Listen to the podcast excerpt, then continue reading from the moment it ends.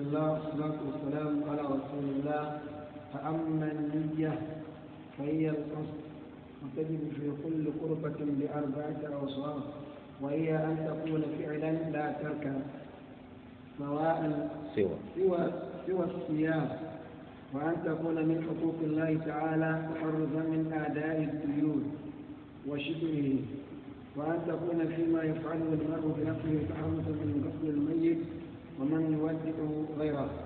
وأن تكون وأن تكون معقولة المعنى فلهذا لا تجب في إزالة النجاسة بالإجماع. وتجب في تيمم عند الأربع. وتجب في الوضوء والغسل عند الإمامين خلافا لأبي حنيفة. فرعان الأول ينوي المتطهر أداء الفرض أو أو رفع حكم الحدث. أو استباحة ما تجب الطهارة له. سواء مطلق أو عين الثاني محل النية في أول الطهارة وقيل في أول فرضها وفاقا في أول فروضها وفاقا للشافعي وقيل يستصحب. يستصحب يستصحب. يستصحب. يستصحب. يستصحب ذكرها من أول الطهارة إلى أول فرض. فإن تأخرت فإن تأخرت. عن محلها أو تقدمت بكثير بطلت وإن تقدمت بيسير فقولان. ولا يشترط بقاؤها ذكرا بل حكما. وفي تأثير وفي تأثير رفضها رفضها. رفضها قولان. وأما الوجه فحده طولا من أول منابات الشهر منابت.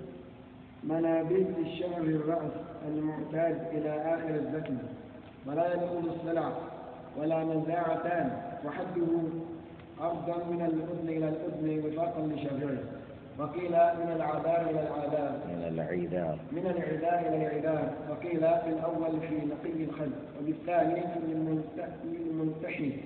وانفرد القاضي ابن وهاب بقوله ما بين الصدغ والأذن السنة ويجب التخليل ما على الوجه من شعر الخفيف واختلف في الكثير ويجب في إمرار اليد.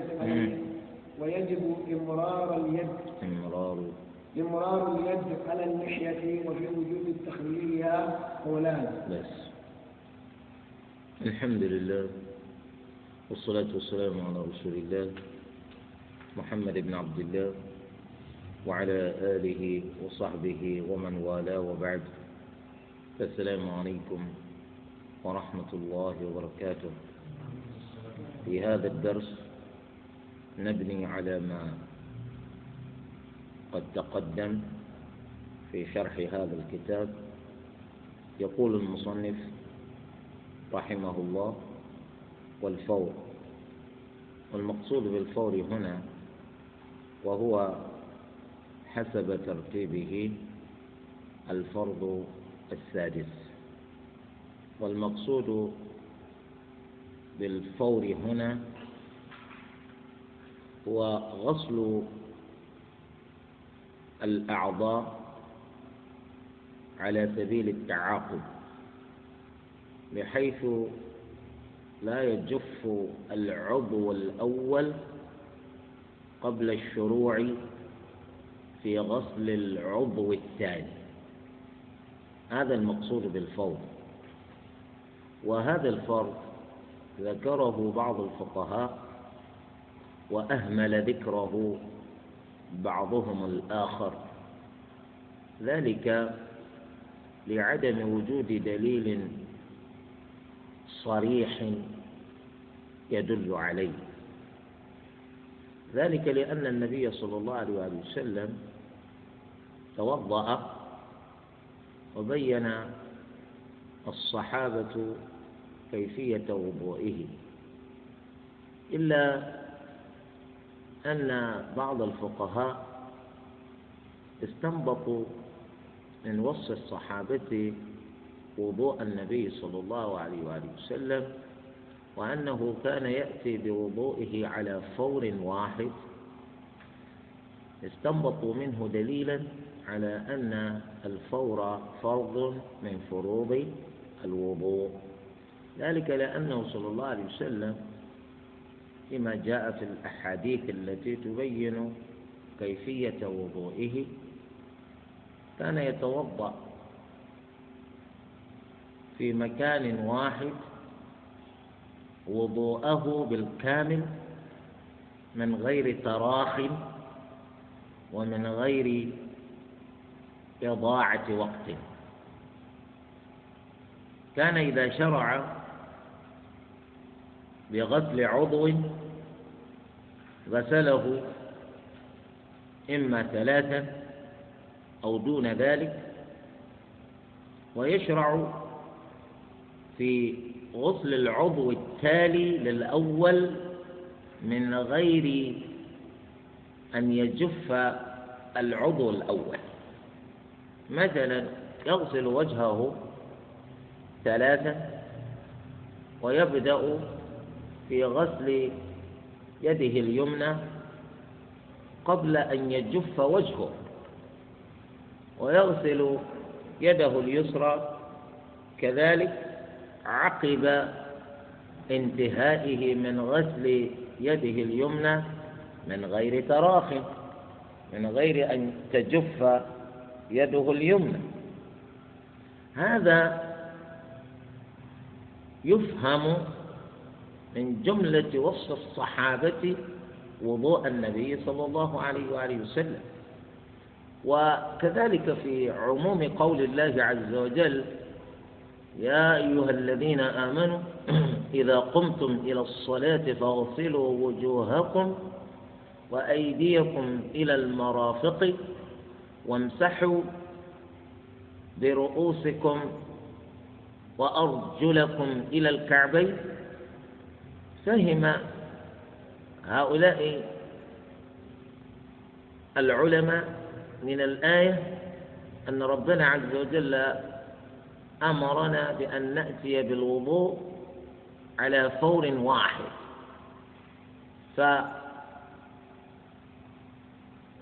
فيكون ذلك دليلا على أن الفور فرض من فروض الوضوء.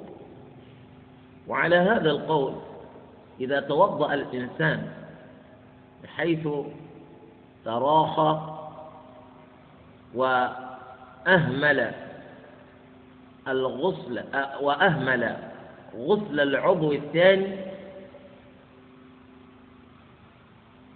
بعد جفاف العضو الأول حكموا على وضوئه بالبطلان. لماذا؟ لأنه ترك فرضا من فروض الوضوء. هذا على قول من أوجب الفورية. على قول الفقهاء الآخرين الذين لا يرون فرضية الفور يقولون إن الواو حرف عطف لا أكثر فإنها لا تفيد التعقيد ولا التراخي. لا تفيد التعقيد ولا التراخي. ووصف الصحابة لوضوء النبي صلى الله عليه وسلم لا يستشف منه ما يدل على أن الفور فرض من فروض الوضوء. ولأجل هذا اختلفوا في القول بوجوب الفور أو عدمه. إلا المالكية يعتبرونه فرضا من فروض الوضوء بل في كثير من كتب المالكية جاءوا بالفرض السابع. صاحب الكتاب هنا يقول فرائض الوضوء وهي ست. الذي ألفناه في أكثر كتب المالكية وخاصة عند المتأخرين منهم أنهم يصلون بفروض الوضوء إلى سبعة ويذكرون هنا الدلك الفور والدلك. والدلق المقصود به هو إمرار اليد على العضو المغسول. إمرار اليد على العضو المغسول عراكا عراكا بحيث إنك لا تكتفي بصب الماء على العضو صبا وإنما تمرر يدك على العضو الذي تغسله حتى يطمئن قلبك أن الماء قد وصل إلى كل موضع موضع. من الأعضاء التي أنت مكلف بغسلها بخلاف الأعضاء الممسوحة. والأعضاء الممسوحة في الوضوء عضوان هما الرأس والأذن. أو نقول ثلاثة أعضاء الرأس والأذنان. طبعا لا يقولون بالدلق في المسح. وإنما يقولون بالدلق في الغسل فيما فرضه الغسل طبعا هذه هي فروض الوضوء عند السادة المالكية. ثم يقول المصنف أما النية يريد أن يفرض أو يريد أن يفرد النية بالقول. إفراد النية بالقول من الأهمية بمكان. وذلك لأن النية داخلة في العبادات القلبية والمسلم يعبد ربه بقلبه ويعبده بلسانه كما يعبده بأعضائه كلها. فالنية آه، شأنها عظيم. ومكانتها في الشريعة جليلة. ولذلك كتب العلماء فيها الكثير الكثير بل من الباحثين من أفرضها بمؤلف ذلك لأهميتها. ثم إن الإنسان الذي يتقرب إلى الله عز وجل بفعل عبادة من العبادات في أمس حاجة إلى معرفة النية لأن النية لها فوائد عظيمة لها فوائد عظيمة. نذكر فائدتين منها الفائدة الأولى أن بالنية تتميز العبادات عن العادات. بالنية تتميز العبادات عن العادات.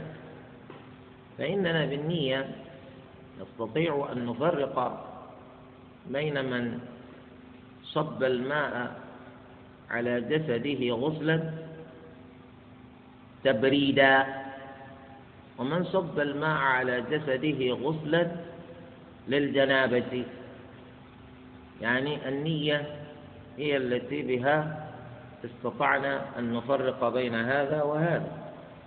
وقد سبق فيما لم يبعد كثيرا أن صاحب الكتاب ذكر نوعا من أنواع الوضوء وهو الوضوء الذي يأتي به الإنسان تبردا وصنفه في الوضوء المباح في الوضوء المباح. أي إذا جاء الإنسان ففعل فعل الوضوء بالتمام والكمال. لكن إنما فعل ذلك بنية التبريد لأنه يشعر بالحرارة وسخونة الشمس تؤذيه. ويريد أن يخفف من هذه السخونة فتوضأ تبريدا فهذا يقال له وضوء مباح. بخلاف ذاك الذي أراد أن يؤدي فرضا من فروض الصلاة فتوضأ مثلا لصلاة الظهر يقول هذا وضوء واجب هذا وضوء واجب. ليس لنا أن نهتدي إلى التمييز بين هذا وهذا سبيلا إلا بالنية. النية هي التي آه، فرقت لنا الآن بين العبادة والعادة. كذلك الإنسان الذي أمسك عن المفطرات لم يأكل ولم يشرب من طلوع الشمس آه، من طلوع الفجر إلى غروب الشمس بنية التعبد لله عز وجل. هذا نقول عنه إنه صائم. بخلاف ذاك الذي آه، أمسك عن المأكل والمشرب حمية حمية أي من أجل من أجل كونه يريد أن يوفر لنفسه صحة عملا بنصيحة طبيب من الأطباء هذا نقول يعني إنما فعل ذلك عادة وهذا إنما فعل إمساكه عبادة. لا نستطيع أن نهتدي إلى ذلك سبيلا إلا بالنية. كذلك آه، بالنية الفائدة الأخرى أن النية بها نستطيع أن نفرق بين رتب العبادات. بين رتب العبادات. مثال ذلك في شخصين دخلا إلى مسجد وأتى كل واحد منهما بركعتين. كل على حدة. كل بانفراده. فنقول أنت ماذا صليت؟ يقول أنا صليت صلاة الفجر. وأنت ماذا تصلي يقول صليت تحية المسجد. بالنية نستطيع أن نفرق بين رتب العبادات. بالنية نستطيع أن نفرق بين رتب العبادات. لأن الشخص الأول إنما أتى بالصلاة المفروضة.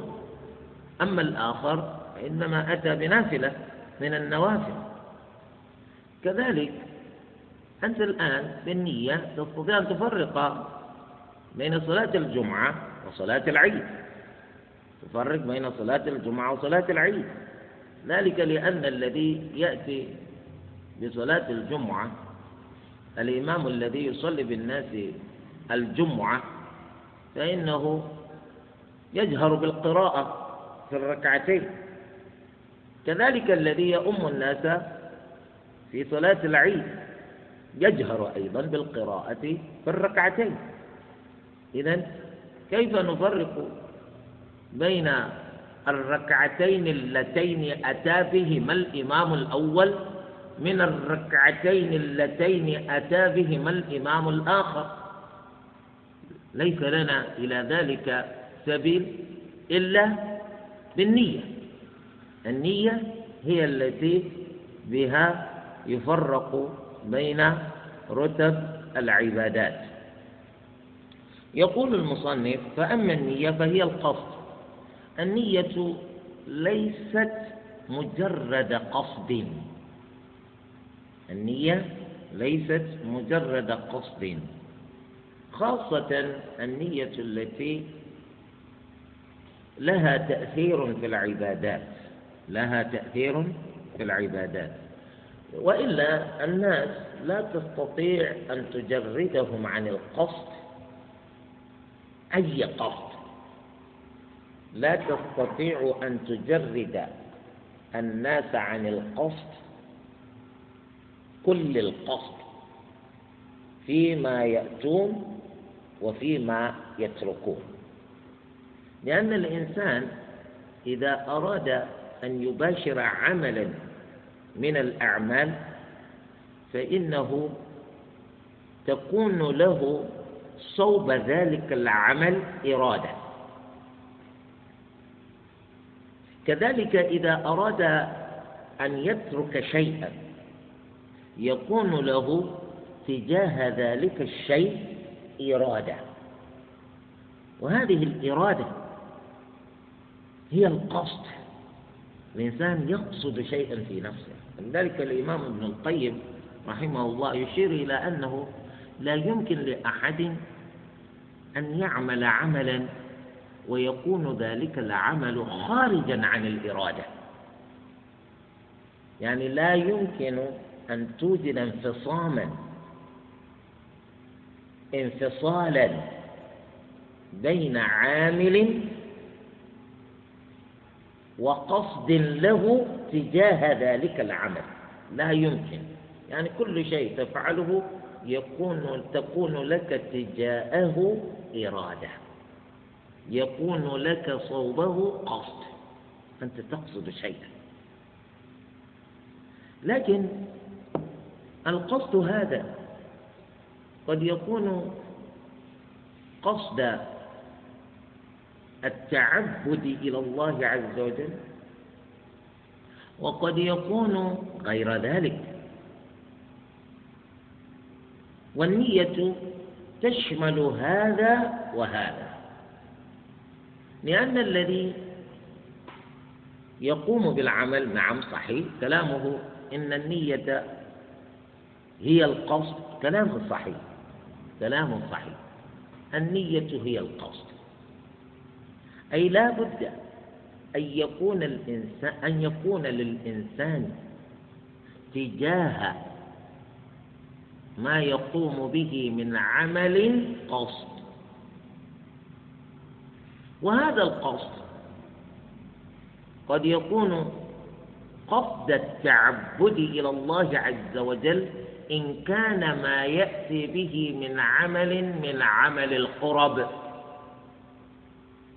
وقد يكون قصده تجاه ذلك العمل قصد غير الله عز وجل به. ذلك إن كان ذلك العمل من عمل القرب. فلذلك النية شيء ولا تكون النية مفيدة لصاحبها. فائدة تامة حتى يكون الإخلاص مصاحبا لتلك النية. النية إذا جردت عن الإخلاص لا فائدة فيها. حتى تكون النية مفيدة لصاحبها ومثمرة له. لا بد أن يكون معها الإخلاص. والإخلاص هو أن تبتغي بعملك وجه الله عز وجل وحده. أن يكون ذلك العمل عملا تعمله لله عز وجل وحده لا لغيره. هذا لا بد منه في كل عمل تقوم به. وإلا كونك تقصد أنك تريد أن تفعل شيئا هذا وحده لا يغني من جوع. لا يغني من جوع. قال فأما النية فهي القصد.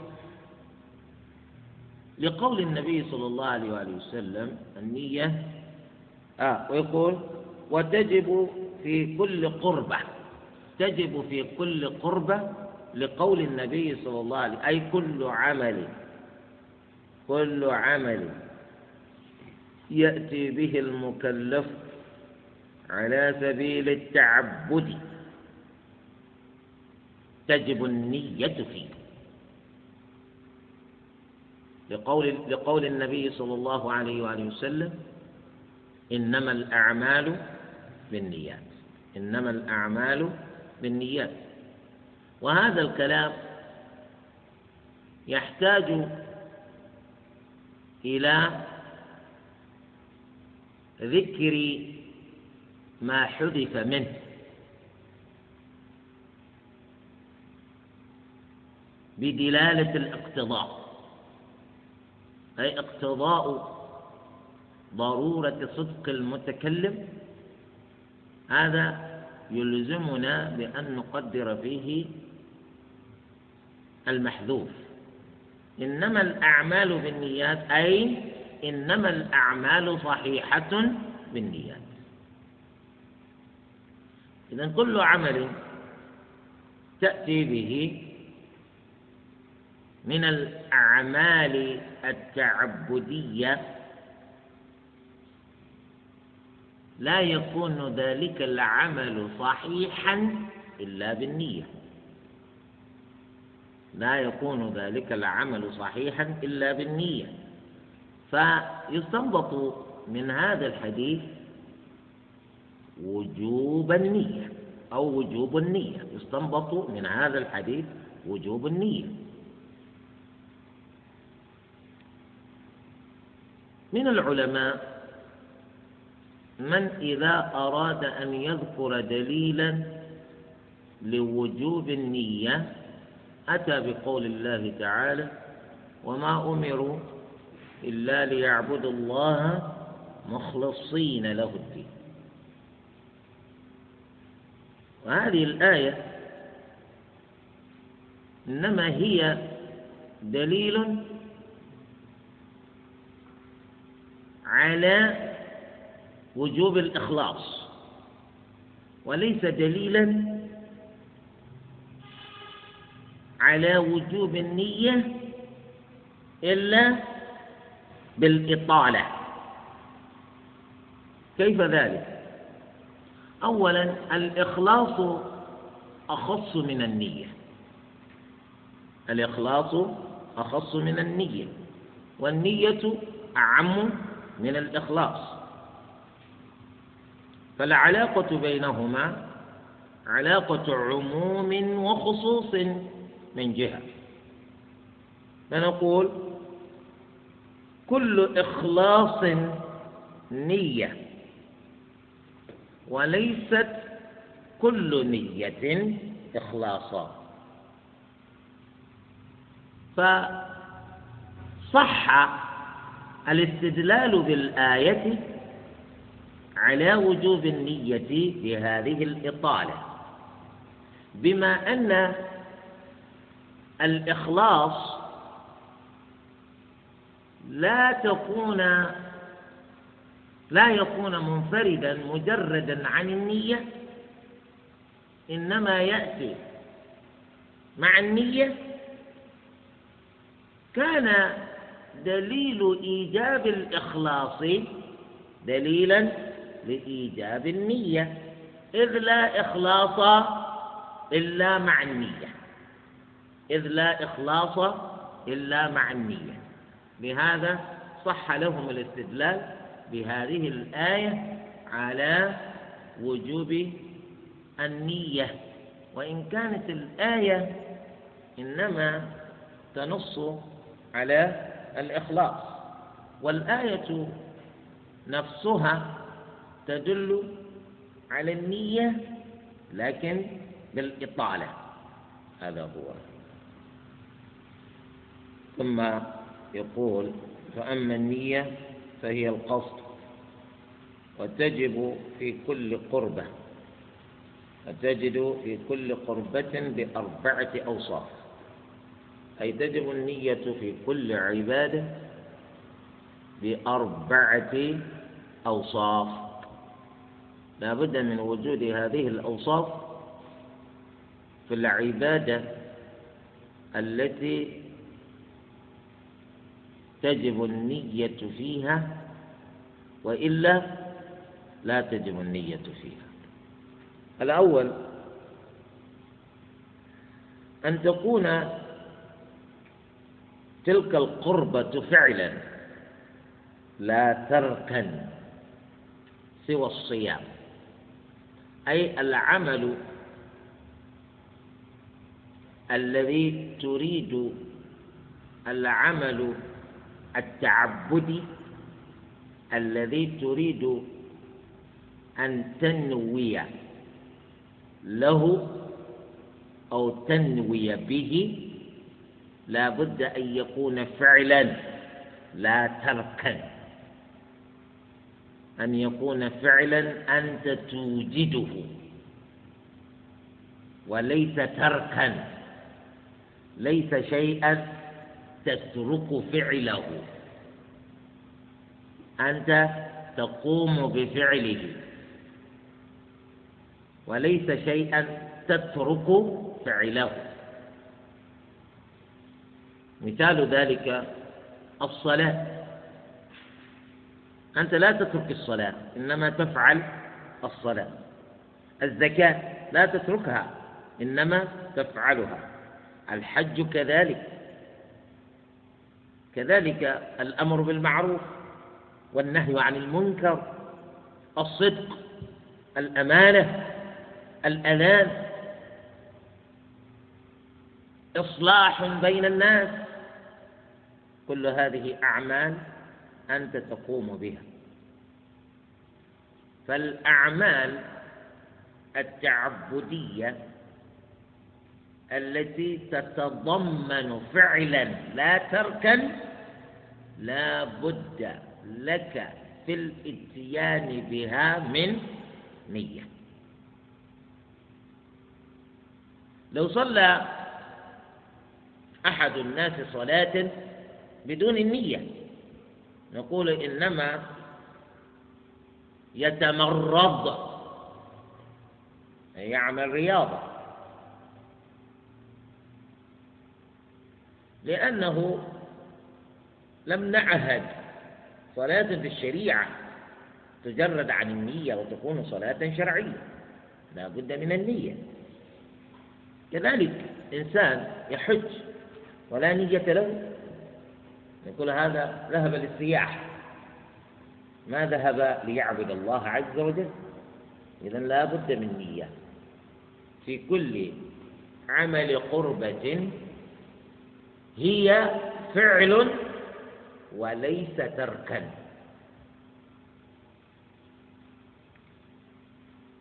من أين وجدوا هذا؟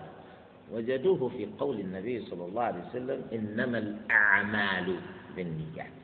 إنما الأعمال بالنيات. أي لا بد أن يكون ما تنوي له أو تنوي به عملا. لا بد أن يكون عملا لا بد أن يكون فعلا. أنت توجده. وليس تركا. لأن النبي صلى الله عليه وسلم يقول إنما الأعمال. ولم يقل صلى الله عليه وآله وسلم إنما التروك. جمع ترك. إنما قال إنما الأعمال. وعليه. أنت الآن تركت شرب الخمر وتركت الزنا وتركت الكذب وتركت النميمة وتركت الغيبة وتركت الفسوق كلها أو تركت الفسوق كلها. لكنك لم تنوي لم تنوي ترك شرب الخمر ولم تنوي ترك الزنا ولم تنوي ترك الفواحش كلها ولم تنوي ترك الفسوق كلها ولم تنوي ترك المنكرات كلها. ومع ذلك أنت ترجو من الله عز وجل أن يثيبك على ترك هذه الأشياء مع أنك لم تنوي مع أنك لم لم تنوي شيئا. نقول إنما النية علاقتها بالأفعال لا بالتروك. علاقتها بالأفعال لا بالتروك. وحتى يتضح لك ذلك أكثر. لو أكرمك الله.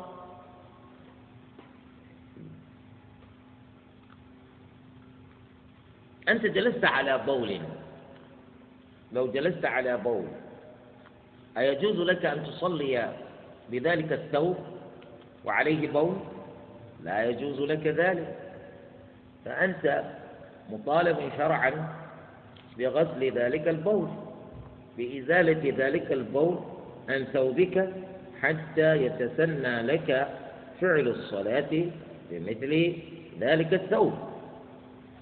ماذا تنوي وأنت تزيل ذلك البول عن ثوبك؟ ماذا تنوي؟ ماذا تنوي في قلبك؟ يقول نويت أن أزيل هذا البول عن ثوبي حتى حتى يتسنى لي فعل العبادة بهذا الثوب. من, من الذي يأمرك بمثل هذا؟ من الذي قال لك افعل مثل هذا؟ لن يقول لك أحد ذلك. كذلك أنت أكرمك الله بلت أو أكرمك الله قضيت حاجتك. إما أن يكون برازا أو بولا. وأنت إذا أتيت تستنجي أو تستجمر ماذا تنوي إثر بول أو غائط. ماذا تنوي؟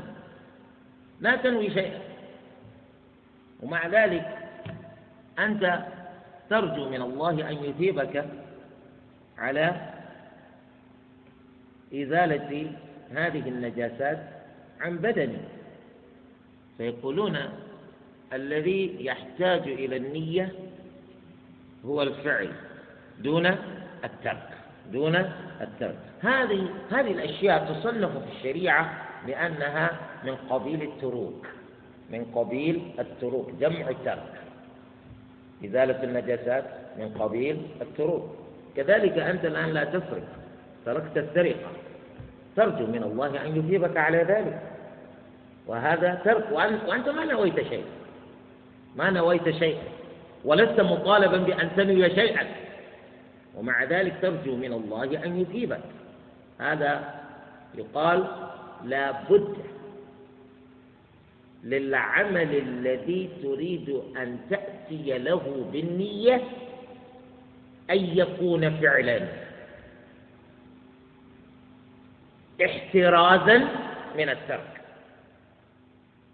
أي تحفظا من الترك. الترك لا تنوي له. الفعل هو الذي تنوي له لكن نأتي يقول سوى الصيام.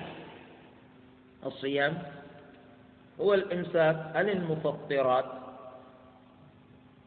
من طلوع الفجر الصادق إلى غروب الشمس بنية التعبد لله عز وجل أو التقرب إلى الله عز وجل.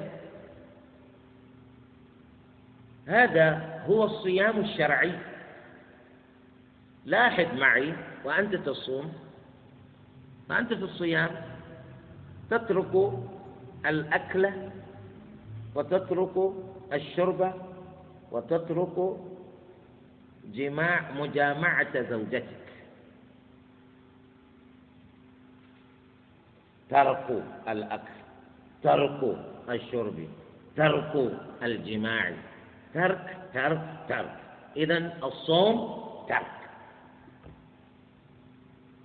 مع ذلك لا يمكن للصوم أن يقع صحيحا يعتد به إلا بالنية.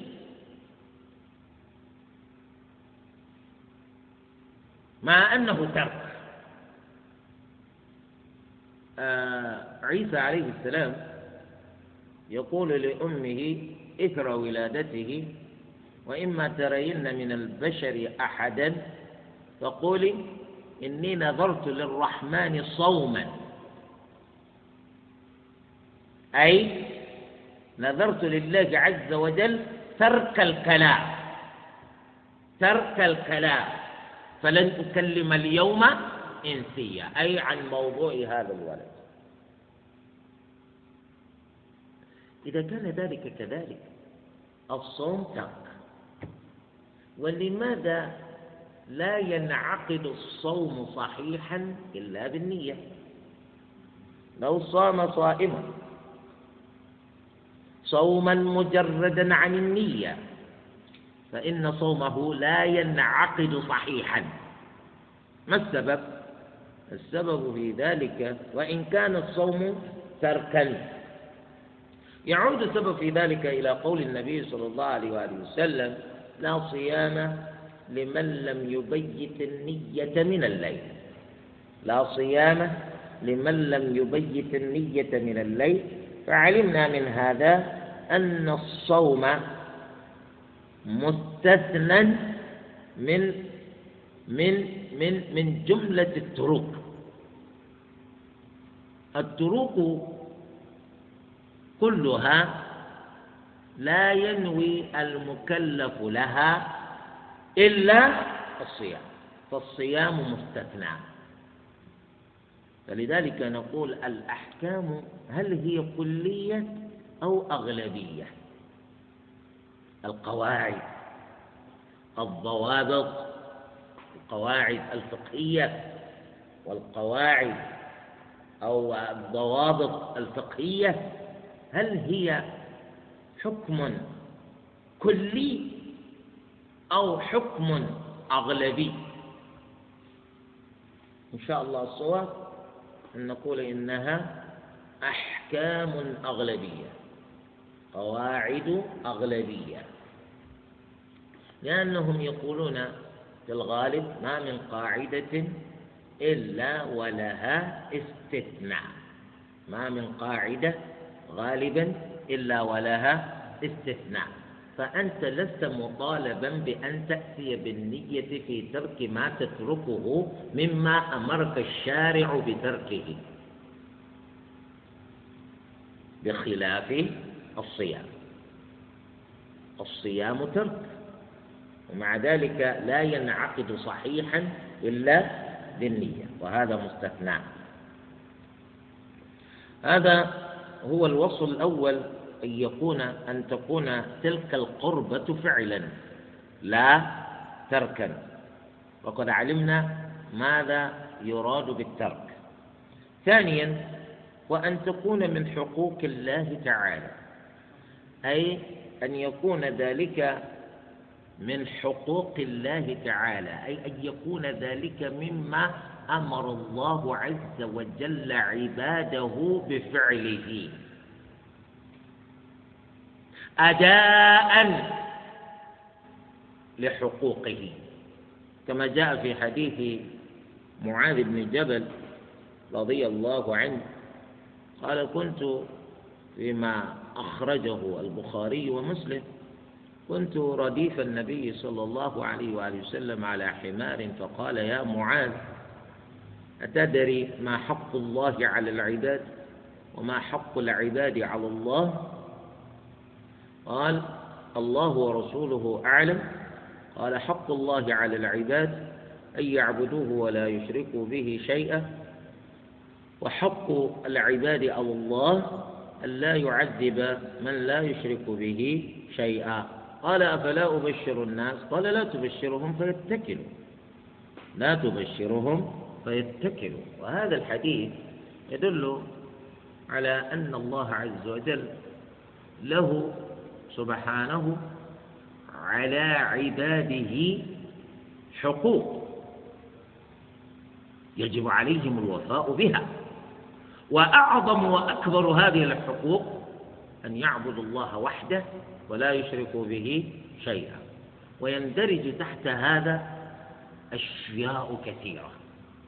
كل ما نأتي به من العبادات هذه العبادات التي نقوم بها خمس مرات في كل يوم وليلة وهي الصلاة تدخل في حقوق الله عز وجل كذلك الزكاة كذلك الصيام كذلك الحج كذلك التوحيد بل التوحيد هو الأول. كل هذه من حقوق الله عز وجل. فأنت إذا أردت أن تأتي بما هو حق لله عز وجل لا بد لك أن تأتي بذلك شيء بالنية لا بد أن تأتي به بالنية تحرزا من أداء الديون وشبهه. هذا قلناه حتى لا يظن ظان عليه دين لفلان من الناس أنه إذا جاء يسدد ما عليه من دين يسدده بنيته لا أحد يطالبك بأن تنوي عند سداد ما عليك من مال لغيرك. غيرك استدنت منه مليون نيرة. ثم جئت تسدد ذلك الدين الذي له عليك. تعطيه مليون نيرة ولا تعود إليه بعد برهة لتقول أه شوف أريد منك أن تعيد إلي ذلك المال. لو كنت مكانه تعيد إليه المال؟ لا تعيد إليه شيئا. خاصة إذا قال أنا إنما أطلب منك إعادة ذلك المال إلي لأني إنما أعطيتك إياه بدون نية. الآن أريد أن أنوي. نقول تنوي في بيتك ما في مشكلة. المهم قد أخذت قد استرجعت مالي. لأنه أصلا من الذي يقول لك تنوي؟ سداد دين عليك إذا سددته أو عند سداده. من الذي قال لك تنوي تنوي ماذا يعني النية فاضية؟ تظن إن النية فاضية؟ ليست النية فاضية. يعني أنت إنما تنوي إذا كان الفعل الذي تريد أن تقوم به حق أو حقا من حقوق الله عز وجل. حقا من حقوق الله عز وجل. قال وشبهه أي وما يشبه ذلك. يعني لو أنك الآن ذهبت إلى السوق وساومت في شراء شيء فقيل لك ادفع ادفع الثمن. ثم جئت بالمال وأنت تنوي. اللهم إني نويت أن أسدد مال هذا. أنت أنت مريض. فهمتم؟ أنت لا تحتاج إلى النية في مثل هذه الأمور. طبعا حتى إذا كان إذا كان العمل حقا من حقوق الله عز وجل تؤديه وجئت تنوي أنت تنوي في قلبك. ولا تنوي على لسانك. لا تحرك بالنية لسانك. إنما النية سر بين العبد وربه. لا يطلع عليها أحد من الناس. سر بينك وبين الله عز وجل. فلا تقل نويت أذان صلاة الفجر. أعوذ بالله من الشيطان الرجيم. بسم الله الرحمن الرحيم. الله أكبر. يا أخي. تقرأ سورة الأذان. ثم من ذا الذي قال لك تنطق بالنية؟ النطق بالنية بدعة. النطق بالنية بدعة. ولذلك أنت تجد طائفة من الناس إذا جاء يتوضأ ينوي على لسانه ويجهر بنيته صوته. سبحان الله. وما من أحد يجلس في ذلك المكان إلا ويسمع ما يقول به. ومنهم من إذا دخل المسجد ليصلي مع الناس تجده يبسط يديه بسطا ويتلفظ بنيته تلفظا بحيث لا يخفى شيء مما يقوله على أحد من الواقفين حوله يمنة ويسرا. بل إن بعضهم يقول نويت صلاة الظهر خلف الإمام الفلاني في مسجد النبي صلى الله عليه وآله وسلم فقال له من بجواره نسيت التاريخ واليوم. تقول اليوم الأربعاء كذا من شهر رجب كانت كذا. يا أخي من الذي كلفك بهذا أصلا لا أحد قال لك إنه يشرع التلفظ بالنية. التلفظ بالنية بدعة بل تحريك الشفتين بها بدعة. أنت مط... النية قصد. قصد والقصد محله القلب. ولذلك قالوا النية سر بين العبد وربه. الله عز وجل وحده هو الذي يعلم ما تقصد. وأنت لست مطالبا بأن تعلم الناس بقصدك. هذا سر بينك وبين الله. اللهم إلا في الحج كما قلنا ما من قاعدة إلا ولها استثناء. في الحج أنت تنوي في قلبك ولكن الشريعة أباحت لك أن تبوح بما نويته في قلبك. فتقول لبيك حجا وقد نويت في قلبك سابقا. ثم تقول ذلك بلسانك. لبيك حجا لبيك حجا وعمره. قرانا لبيك عمرة متمتعا بها إلى الحج. لبيك اللهم لبيك لبيك لا شريك لك لبيك. إن الحمد والنعمة لك والملك لا شريك لك. أما في غير هذا الموضع فبدعة. إذا يا ليت قومي يعلمون أنهم إنما يفعلون منكرا ويقتحمون البدع بتلفظهم بالنيات. النية محلها القلب. سر بينك وبين الله. بل من الأخطاء الشائعة أن تمد يديك ولو لم تتلفظ بالنية. تمد يديك قبل البدء بالصلاة.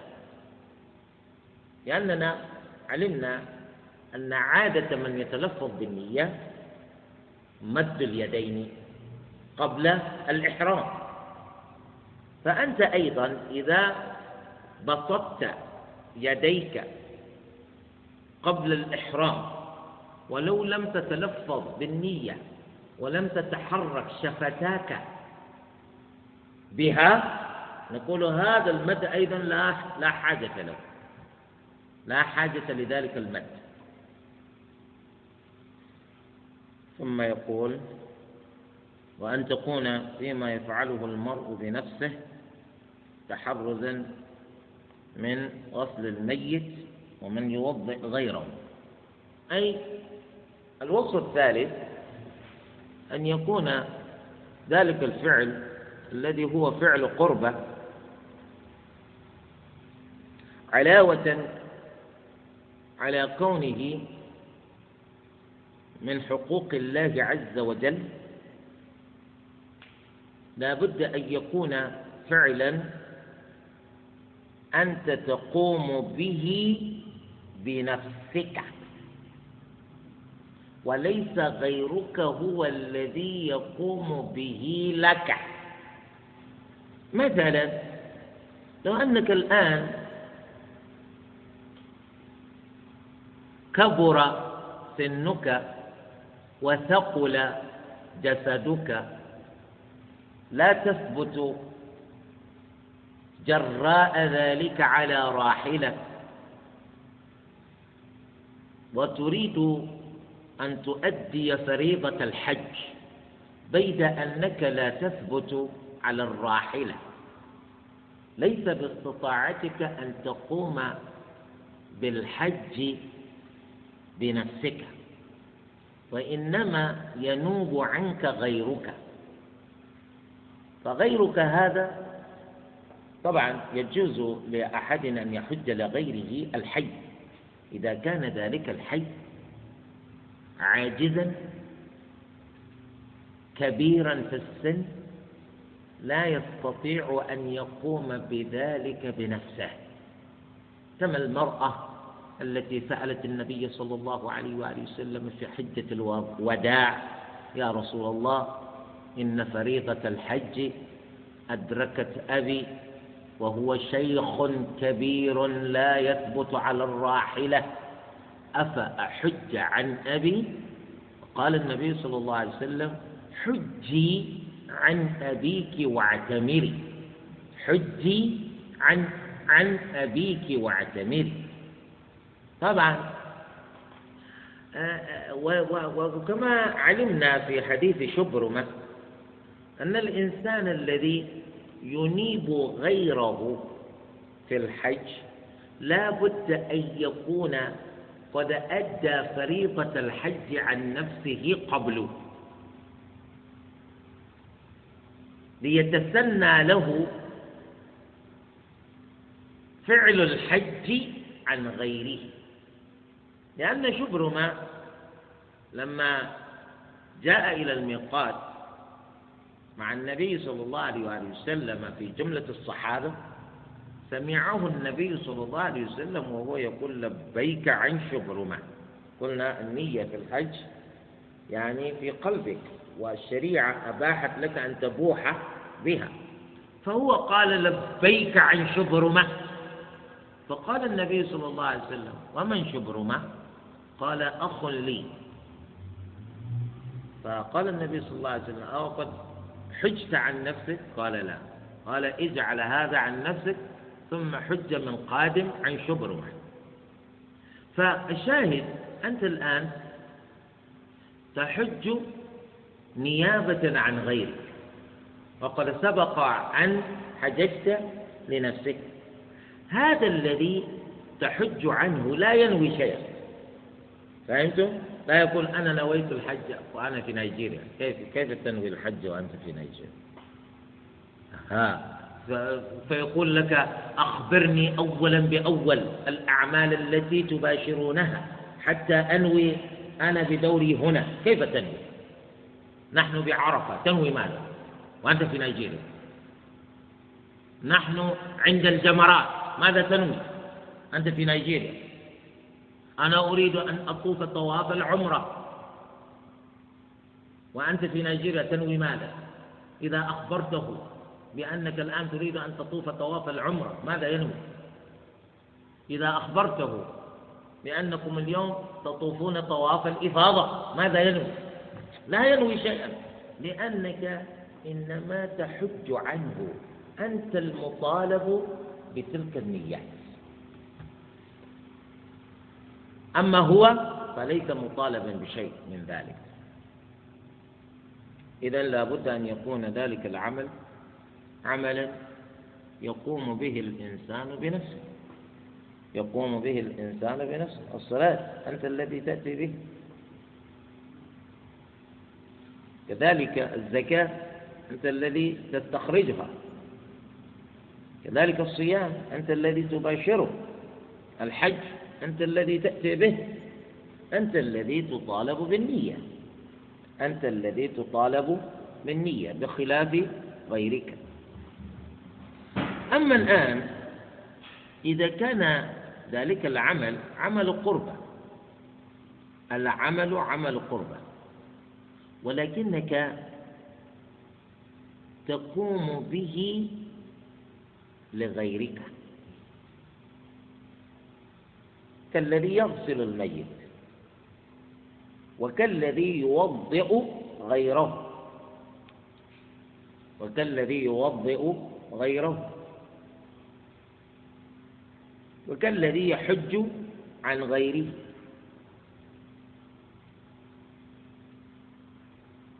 الذي يحج عن غيره يقول أنا أحج عن فلان فهمتم؟ ما يقول أنا أحج عن نفسي لا هذه سرقة. الآن أنت توضئ غيرك غيرك. الوضوء يقع على غيرك. لكنك الذي تقوم بذلك الفعل له. من الذي ينوي منكم علمنا أنك إذا كنت إنما تتوضأ بنفسك تنوي. الآن غيرك هو الذي يوضئك. من الذي ينوي؟ من الذي ينوي؟ المتوضأ له أو الموضع لغيره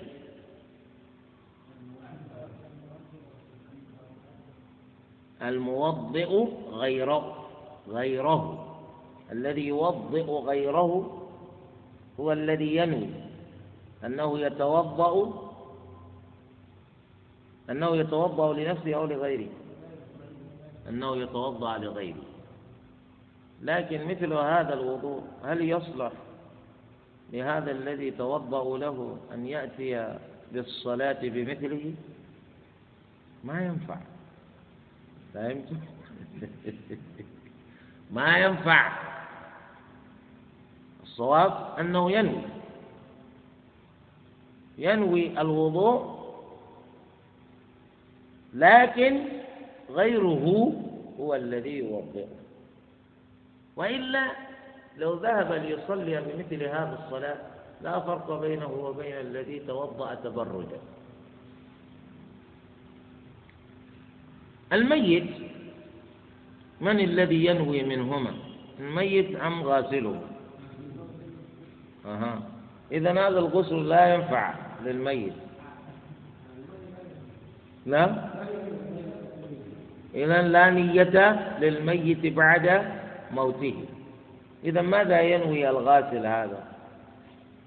ينوي ينوي غسل نفسه؟ أو ينوي غسل غيره؟ ولماذا نفع غيره؟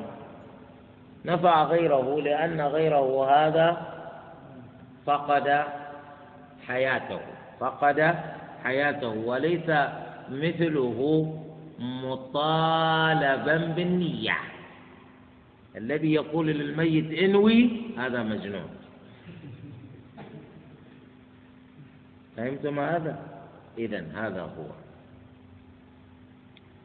وأن تكون معقولة المعنى هذا هو الوصف الرابع وهذا خطأ. هذا خطأ ربما مطبعي. الصواب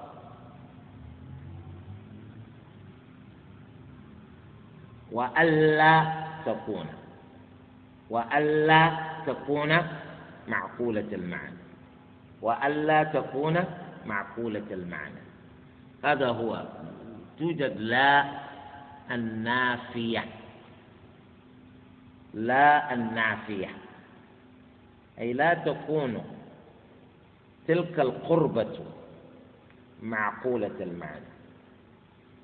لأن القربة إذا كانت معقولة المعنى فاتفق الفقهاء على أنها لا تحتاج إلى النية. إنما القربة التي ليست معقولة المعنى هي التي بحاجة إلى النية. لننظر إلى المثال الذي ذكر حتى تعلم هل كلامه سليم أم فيه خطأ. قال وأن تكون معقولة المعنى قلنا خطأ. فيه لا النافية وأن لا تكون معقولة المعنى. فلهذا لا تجب في إزالة النجاسة بإجماع. لماذا لم تجب النية في إزالة النجاسة؟ أو لأنها معقولة المعنى أم لأنها غير معقولة المعنى. فكر. لا تجب النية في إزالة النجاسة. هل سبب ذلك أن إزالة النجاسة معقولة المعنى؟ أو السبب أن إزالة النجاسة غير معقولة المعنى؟ حتى تفهموا ما معنى معقولة المعنى. معنى معقولة المعنى أن يكون هذا الشيء بحيث نعلم لماذا هو كذلك. أن يكون الشيء بحيث يعلم لماذا هو كذلك ولماذا لم يكن على خلاف ما هو عليه. إزالة النجاسة. كل إنسان يعقل لماذا لا يجوز لنا أن نترك النجاسة من غير إزالتها؟ كل إنسان يعقل هذا أو لا يعقله. أنت تترك الغائط في جسدك تترك الغائط في ثوبك تترك الغائط في مكانك للصلاة. كل الناس يعرفون هذا أنه لأن لأن النفس تعف ذلك. النفس تعف ذلك لذلك إزالة النجاسة معقولة المعنى يعني تعرف لماذا أزيل النجاسة؟ مثل الأكل والشرب. أنت تعرف لماذا تأكل أو لا تعرف؟ آه تعرف لأن الإنسان يعرف كي لا تموت. وتعرف لماذا أشرب. هذا يقول له معقول المعنى. غير معقول المعنى الآن التيمم. لماذا؟ لما لم نجد الماء. وفي جسدنا جنابة. لماذا نكتفي بالتيمم؟ التيمم غبار تجعله على جسمك. غبار على وجهك غبار على كفيك. ومع ذلك قالوا تصلي. بعد ذلك إذا وجدت الماء تغتسل للجنابة والصلاة السابقة صحيحة. من الذي يعرف معنى هذا؟ لا أحد يعرف معنى هذا. إذا كان إذا كانت العبادة غير معقولة المعنى احتاجت إلى النية. ولذلك اتفق الفقهاء على أنه لا بد في التيمم من نية. لأن التيمم عبادة غير معقولة المعنى. حتى الإمام أبو حنيفة لم يخالف في هذا لأن لا أحد يعرف لماذا الغبار تضع الغبار على وجهه والتغبير هل هو تطهير؟ يعني جعل الغبار على الجسم تطهير؟ ما ندري. الشريعة قالت تطهير تطهير. فهمتم هذا؟ ولماذا؟ والله لماذا هذا ما ندري فهمتم؟ هذا يقال غير معقولة قال ولهذا لا تجب في إزالة النجاسة بإجماع ولذلك قلنا كلامه الأول خطأ. وألا تكون معقولة المعنى هذا الصواب. فلهذا لا تجب في إزالة النجاسة بإجماع. والسبب أن إزالة النجاسة معقولة المعنى وتجب في التيمم لماذا؟ لأن التيمم عبادة غير معقولة المعنى. عند الأربعة أي عند عند الأئمة الأربعة أربعة أبي حنيفة مالك الشافعي وأحمد. وتجب في الوضوء والغسل عند الإمامين بل عند الثلاث. تجب النية عند في الوضوء والغسل عند كل من الإمام المالك عند عند الإمام مالك والشافعي وأحمد خلافا لأبي حنيفة لماذا؟ السبب هو هذا هؤلاء الثلاثة يقولون الوضوء والغسل عبادتان غير معقولتي المعنى. غير معقولتي المعنى. أبو حنيفة يقول الوضوء والغسل عبادتان معقولتا المعنى. فهمتم هذا؟ أها. هؤلاء يقولون الوضوء. يعني حتى أصلي. لماذا الشريعة أمرتني بغسل اليدين ثلاثة؟ اليمنى واليسرى والمضمضة والاستنشاق ثلاثة وغسل الوجه ثلاثة وغسل اليدين إلى المرفقين ثلاثة واليسرى كذلك مسح الرأس كذلك مسح الأذنين وغسل الرجلين. لماذا؟ يعني الصلاة لماذا الشريعة ما قالت ليغسل جسدك كله حتى تصلي؟ والآخر يقول يكفيك أن تغسل فمك لأنك تريد أن تناجي الله. غير معقولة المعنى غير معقولة المعنى. كذلك الغسل يعني الإنسان الذي أصابته الجنابة الشريعة لم تكتفي بأن يغسل فرجه وانتهى الأمر. وإنما قالت الشريعة يعني إذا إذا إذا إذا كان الإنسان جنبا يجب عليه الغسل يجب عليه غسل جسده كله أو كله. إذا كان ذلك كذلك يا أخي ما ندري. يعني فرجه فقط. إذا كان جامع المرأة فرجه هو الذي دخل في فرج آخر. كان العقل يقضي بأن يكون الفرج وحده هو الذي يقضي. والمرأة كذلك تغسل فرجها وانتهى. هذا الذي يقضيه العقل يقضي به العقل. لكن الشريعة الآن تقول تغسل جسد كله. ما ندري. المرأة الحائض الحيض من أين يغسل؟ ولما انتهت المرأة من الحيض ربنا يأمرها بغسل جسدها بغسل جسدها كله. إذا هذا يقولون غير معقولة المعنى. أبو حنيفة يقول لك أنا الوضوء أنت تعرف تغسل يدك تغسل وجهك هذا معروف. فهمت؟ وكذلك أنت تغسل بدنك كله. معقول معروف. معقول معروف يعني جسمك يكون ظاهرا لكن هؤلاء الفقهاء يقولوا غير معقولة المعنى. معناه تحتاج النية ولذلك أنت تجد الناس يختلفون. في تطبيق المسائل الفقهية مسألة مسألة باختلاف ما يأخذ كل واحد منهم به من المذاهب الفقهية الموجودة. تجد أحدا منهم يتوضأ وهو ينوي الوضوء والآخر يتوضأ بلا نية. يقول أن إمامه لا يجب عليهم النية في ذلك. والآخر يذهب ليغتسل للجنابة بالنية. وهذا يصب الماء في جسده صبا بلا نية. يقول لأن الإمام يقول لا ما, ما يحتاج النية. لكننا نقول الرسول صلى الله عليه وسلم وهو إمام الجميع يقول إنما الأعمال والوضوء عمل أم ليس بعمل؟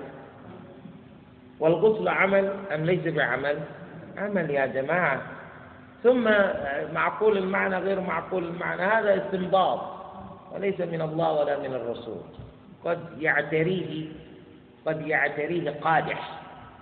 أما قول النبي صلى الله عليه وسلم لا يعتريه قادح خاصة وهو قول ثابت. فلذلك أولى بنا أن نأخذ مما قال به رسول الله صلى الله عليه وسلم من أن نلتفت يمنة أو يسرى إلى بعض آه، الآراء التي ربما بالأخذ بها نكون قد حدنا عن ما أمرنا به النبي صلى الله عليه وآله وسلم. فلذلك نقول لا تتوضأ إلا بنية ولا تغتسل إلا بالنية. أما التيمم لا خلاف. أنك تنوي بخلاف وأنت تجد فرقا كبيرا حتى بين الوضوء وغسل البول من جسدك. في فرق بينهم. أي بول تغسل من جسدك وأنت تتوضأ؟ وأي غائط تغسل من جسدك وأنت تغتسل للجنابة؟ أبدا. فرق كبير. معقول غير معقول. لنتركه على جنب. رغم ذلك نتركه على جنب. إنما الأعمال بالنيات. وهذه أعمال. وهي من بين ما يقصده النبي صلى الله عليه وآله وسلم. نقتفي بهذا القدر. سبحانك اللهم وبحمدك أشهد أن لا إله إلا أنت أستغفرك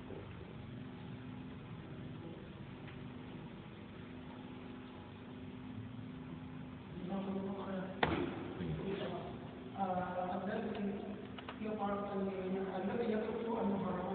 يعني ولكن لا يعرف حكم الله هل يثاب على كيف تركها ولا يعرف حكم الله عز وجل فيها؟